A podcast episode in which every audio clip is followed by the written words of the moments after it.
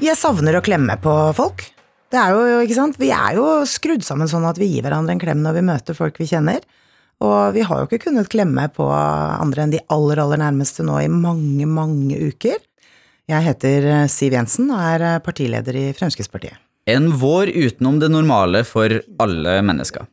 Men for eh, Fremskrittspartiet og Siv Jensen så er det ikke bare korona som har prega 2020 så langt. Etter rundt syv år som starta med Jens! Endte januar med Jeg tok oss inn i regjering, og nå tar jeg Fremskrittspartiet ut av regjering. Og siden har partiet sittet på Stortinget og jobba fra opposisjon. Om annet iskant og budsjett. Men så Store deler av Norge stenges ned. Hjemmekontor ble den nye hverdagen, også for Siv Jensen. Det er jo veldig lett å bli skal vi si, mindre disiplinert når man er hjemme.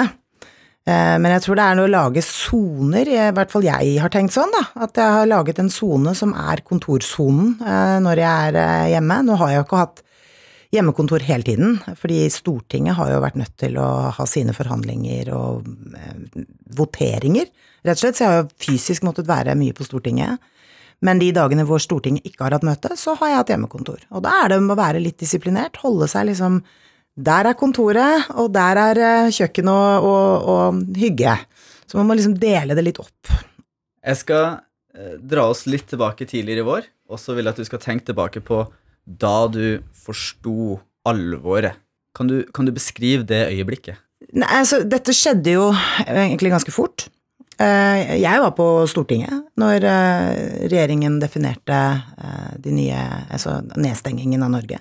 Og det kom jo som et sjokk på oss alle sammen, men samtidig så var det nok helt nødvendig. Eh, Nå vil jo historien fortelle oss hvilke land som har håndtert ting på en best måte, men det er nå engang sånn at eh, vi kommer jo nå i kjølvannet av dette, når det på et eller annet tidspunkt er over, så kommer vi helt sikkert til å få en debatt om noe burde vært gjort annerledes og alt mulig sånn. Men jeg tror vi alle skal være litt forsiktige med å være etterpåkloke i dette. For eh, vi må også huske på at noen er satt til å ta beslutningen, altså regjeringen. Um, og det er jo ikke lett. Det er ikke lett å skulle ta en beslutning om å tvangsstenge tusenvis av eh, bedrifter. eh, Sende folk ut i arbeidsledighet, ut i permittering. eh, Alt dette har jo ført til uro for økonomien for veldig mange. Mange har fått veldig mye dårligere råd, mange er redd for jobbene sine. Og det skjønner jeg. Og derfor har det jo vært så viktig for Fremskrittspartiet å forsterke mange av tiltakspakkene som regjeringen har lagt frem, for de var ikke gode nok. Måtte sørge for at folk eh, eh, fikk noe å leve av. Vi måtte sørge for at bedriftene som ellers ville være sunne, levedyktige bedrifter, eh, kom seg gjennom dette og kunne åpne igjen uten å gå over ende, uten å gå konkurs. Husk at dette er jobben til folk vi snakker om. Ehm, Det har vært utrolig viktig for oss, og derfor så har vi jobbet knallhardt for å legge til rette til, for at eh, færrest mulig får det vanskelig for lenge. Det er litt interessant det du sier med at eh, det er noen som må ta beslutninger. Regjeringen må gjøre en beslutning. Mhm. Det var en regjering som Frp ikke lenge før hadde gått ut av. Mhm.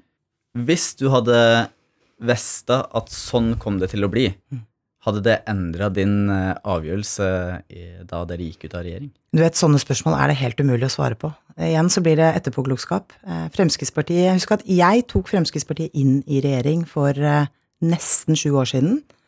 Eh, Det var en eh, enstemmig beslutning vi tok da, eh, og vi har fått til masse i løpet av de årene vi satt i regjering. Vi er jo nå Vi har tidenes strengeste innvandringspolitikk. Vi har redusert skatter og avgifter. Vi har styrket samferdselsbudsjettet kraftig. Vi har lagt til rette for flere sykehjemsplasser over hele landet. Men så tok vi også beslutningen om å gå ut. Og det var også en ganske enstemmig beslutning i Fremskrittspartiet, for vi var kommet til et punkt hvor samarbeidet i regjeringen ikke gikk like knirkefritt, hvor eh, de politiske løsningene ble for grå, det ble for mange kompromisser. Det her har vi snakka om eh, litt før. Hvis vi ser litt i forbindelse med korona, hadde ikke landet vært tjent med en flertallsregjering i den tiden? Det som har vært en styrke for Norge i disse ukene, har jo vært at hele norsk politikk, alle partiene, har samlet seg om å forsterke tiltakene. Eh, Vi har jo hatt, husk at vi har hatt mange uker bak oss nesten blottet for politisk debatt.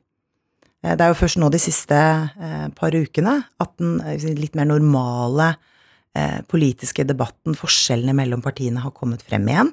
alle partiene la bort kjepphestene sine i den perioden, og gjorde alt vi kunne for å få landet på en tryggest mulig måte gjennom en veldig alvorlig krise. Sylvi Listhaug gikk ut i Dagbladet og sa at hun eh, takker seg selv hver dag for at eh, de ikke er regjering eh, lenger, og det burde Norge òg gjøre. Hva tenker du om den uttalelsen? Jeg tror det Sylvi mener, er at vi, når vi tok beslutningen om å gå ut av regjering, så var det riktig for Fremskrittspartiet. Ehm, jeg mente jo at tiden var kommet for å gå ut, eh, fordi, som jeg sa, politikken var blitt for grå og kjedelig, ugjenkjennelig. Ingen av partiene som satt i regjering, eh, var gjenkjennelige igjen for velgerne sine, og derfor var tiden kommet for å gå ut. Men vi er jo alle sammen veldig stolt av mye av det vi har gjort og levert i de årene vi satt i regjering. Men jeg skal litt tilbake til den uttalelsen allikevel. Mener du at Norge skal være glad for at Fremskrittspartiet ikke sitter i regjering? Jeg mener at uh, man skal være glad for at Fremskrittspartiet bruker sin politiske oppslutning til å få gjennomslag for mest mulig av det vi er opptatt av, og det ville ikke blitt en kraftig eh, styrking av tiltak for ensomme eldre hvis vi ikke hadde lagt kraften vår inn i det i Stortinget når vi forhandlet med regjeringspartiene. På samme måte så la vi kruttet inn på å få mer penger til sykehusene våre, og ikke minst at vi utnytter all ledig kapasitet i de private sykehusene. Husk, det er mange hundre tusen inngrep, operasjoner, som har vært utsatt fordi sykehusene våre har vært utelukkende opptatt av å jobbe med korona. Og det er mange som eh, går rundt og er redd fordi de har andre diagnoser, og som har måttet ha behandlinger og operasjoner som ikke har fått det. Eh, og derfor må vi ha mer penger inn i sykehusene, sånn at de nå kan eh, jobbe med å få køene ned, rett og slett. Hvis vi ser framover nå, vi setter litt bakover, hva burde vi tenke på neste gang en sånn eh, situasjon henger over oss? Det er et veldig viktig spørsmål. Eh, jeg er jo veldig glad for at vi nå skal evaluere hele hendelsesforløpet. Er det noe du har tenkt på sånn konkret at Nei, jo, dette tror... burde vi ha gjort bedre? Ja, så jeg tror mange mennesker har reflektert over om beredskapen vår er eh, god nok. Eh, samtidig så kan ikke et lite land som Norge være selvforsynt på alt. Vi er avhengig av å handle med andre land i verden, men vi må på en måte prøve å finne balansegangen på hva er så livsviktig for oss at vi bør um, ha bedrifter som uh, lager de varene i Norge.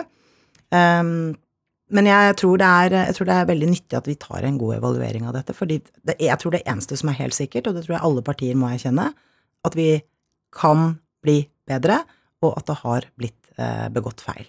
Hvilke feil tenker du på? Nei, det er for tidlig å si. Jeg tror bare at man må bare være, være helt ærlig på at uh, ting kunne helt sikkert ha vært håndtert på en annen måte. Det tror jeg, og det har jo også hørt regjeringen si mange ganger.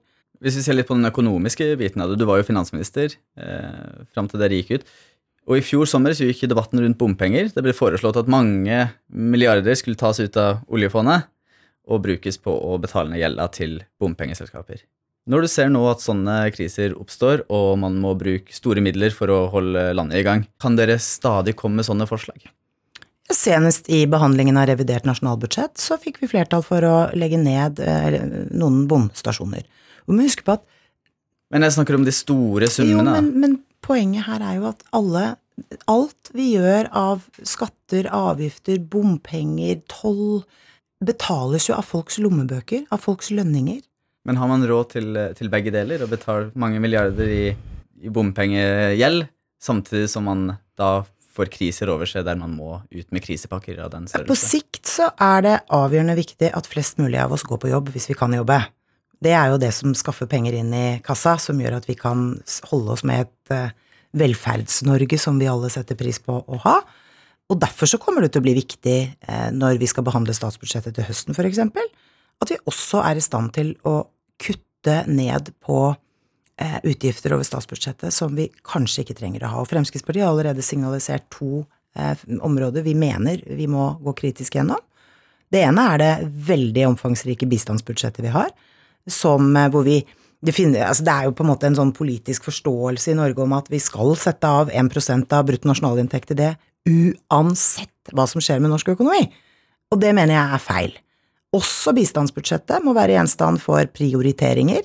Um, og jeg mener at det viktigste vi gjør som politikere i Norge, det er å sørge for at innbyggerne våre har det best mulig. Følger du alle smittevernråd? Ja.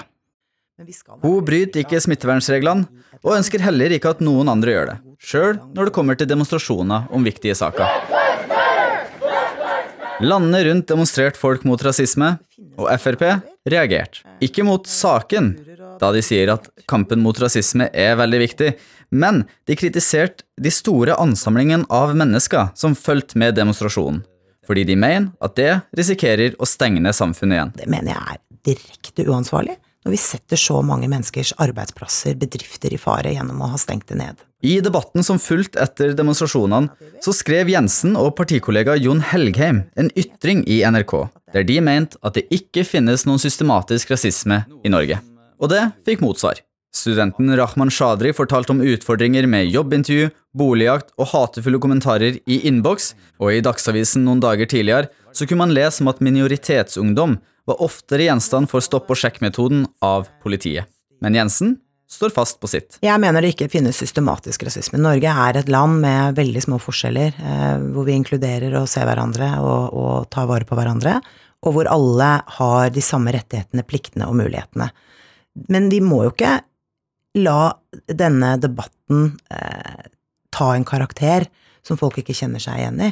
At politiet stopper ungdommer som er kjent for å øve kriminalitet, og som da i tillegg har minoritetsbakgrunn, det må de faktisk finne seg i.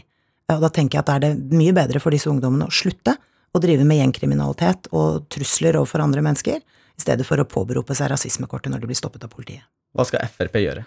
Fremskrittspartiet skal fortsette å være tydelige i politikken, vi skal være tydelige i kampen mot rasisme, men vi skal jammen meg være like tydelige på behovet for en streng asyl- og innvandringspolitikk, og at politiet får de virkemidlene de trenger for å slå ned på den, den gjengoppblomstringen som vi ser særlig her i Oslo, som skaper utrygghet både for andre ungdommer og for eh, innbyggere på generelt grunnlag. Det er ikke bra. Politiet må få ressurser og verktøy for å slå ned på dette. I år har Siv Jensen vært leder for Fremskrittspartiet i 14 år, og stiller til valg for en ny lederperiode. Men i slutten av juni så sa leder i Oslo Frp, Geir Ugland Jacobsen, at Siv Jensen hun var ikke sjølskrevet på topp i Oslo Frp fram mot valget, og starta en diskusjon om ledervervet i partiet. Men den sittende partilederen er ikke i tvil om at hun fortsatt har støtte. Jeg stiller som leder. Og foran stortingsvalget neste år så gjenstår spørsmålet hvem skal Frp samarbeide med? Nå skal eh, Fremskrittspartiets eh, landsstyre eh, legge opp vår strategi frem mot valget 2021. Det skal vi gjøre nå til høsten. Og en av diskusjonstemaene vi kommer til å ha, er jo hvilke partier er det naturlig for Fremskrittspartiet å samarbeide med i en ny stortingsperiode. Der har Um, det jo vært litt debatt. Venstre Venstre har ikke vært like populær. Hva tenker du om det? Kan det funke, kan det funke om et år igjen? Kan, kan disse sårene heles? Ja, det er jo ingen sår, det er en erkjennelse av at eh, avstanden politisk er for stor. Eh, og jeg tror nok Fremskrittspartiets opplevelse av å sitte i regjering med særlig Venstre, var et parti som ikke evnet å prioritere en eneste sak, eh, og som ville forhandle i filler alle eh, viktige spørsmål som var viktige for Fremskrittspartiet, kanskje også viktige for Høyre. Eh, Det blir det slitasje av. Så jeg blir ikke veldig overrasket hvis Fremskrittspartiets landsstyre sier at eh, vi hadde det veldig fint i de første fire årene vi satt i en mindretallsregjering sammen med Høyre, men at vi ikke finner det like fristende å skulle se for oss et regjeringssamarbeid igjen med Venstre. Det er jo et annet parti som òg har dukka opp, eh, Senterpartiet. Sylvi Listhaug har vært og strakt ut en liten hånd der. Er det et parti du kunne ha tenkt deg å satte deg ned rundt et bord med Nå utfordret jeg Trygve Slagsvold Vedum for eh, en del måneder siden på det, fordi eh, det er nå engang sånn at Slagsvold Vedum og Senterpartiet prøver av og til å skape et inntrykk av at de er for lavere skatter og avgifter og andre saker som Fremskrittspartiet også er opptatt av.